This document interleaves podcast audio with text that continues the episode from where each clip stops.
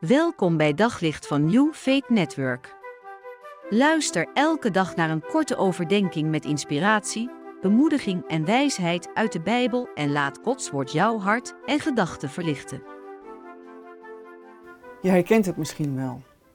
Je bent aan het communiceren met iemand, met je collega of je buurman of je buurvrouw, je partner, je kind.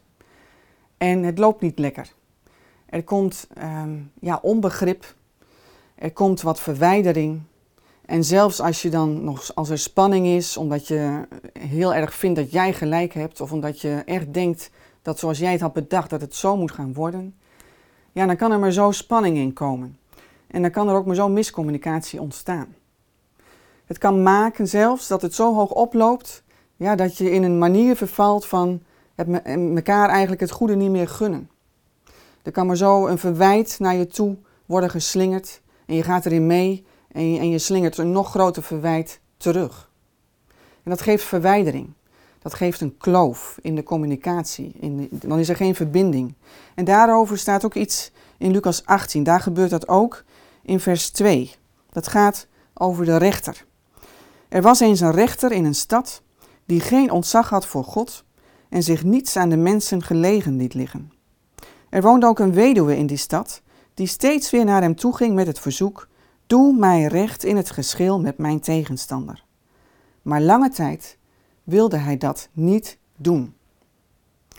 Jezus vertelt deze gelijkenis. En wat ik zo bijzonder vind, is dat hij zegt: Er was een rechter die geen ontzag had voor God en zich niets aan de mensen gelegen liet liggen.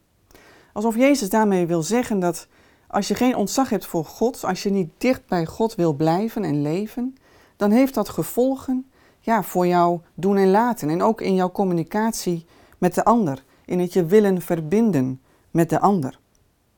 Deze rechter die wil deze weduwe niet horen. Hij wil haar niet eens zien. Hij wil absoluut geen rekening met haar houden.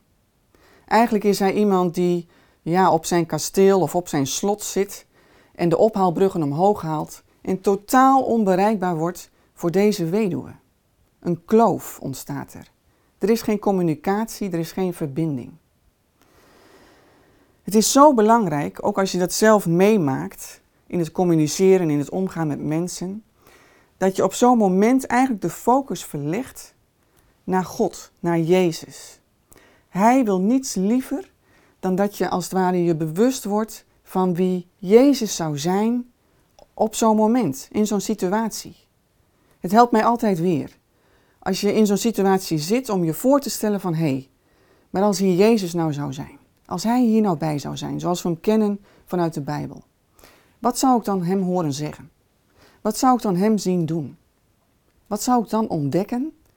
En ja, ik, ik ben 100% van overtuigd dat je dan liefde ontdekt, van waaruit je weer kunt verbinden. Je kunt verbinden met de ander. Ja, en dan word je eigenlijk een bruggenbouwer. En ik wil jou aanmoedigen om je te oefenen in het bouwen van bruggen, verbindend te zijn, zodat er geen verwijdering en kloven ontstaan, maar dat je verbindend een bruggenbouwer mag zijn, samen met Jezus. Op zoek naar nog meer geloof, hoop en liefde. Op New Faith Network vind je honderden christelijke films, series en programma's. Nog geen lid? Probeer het 14 dagen gratis op newfaithnetwork.nl.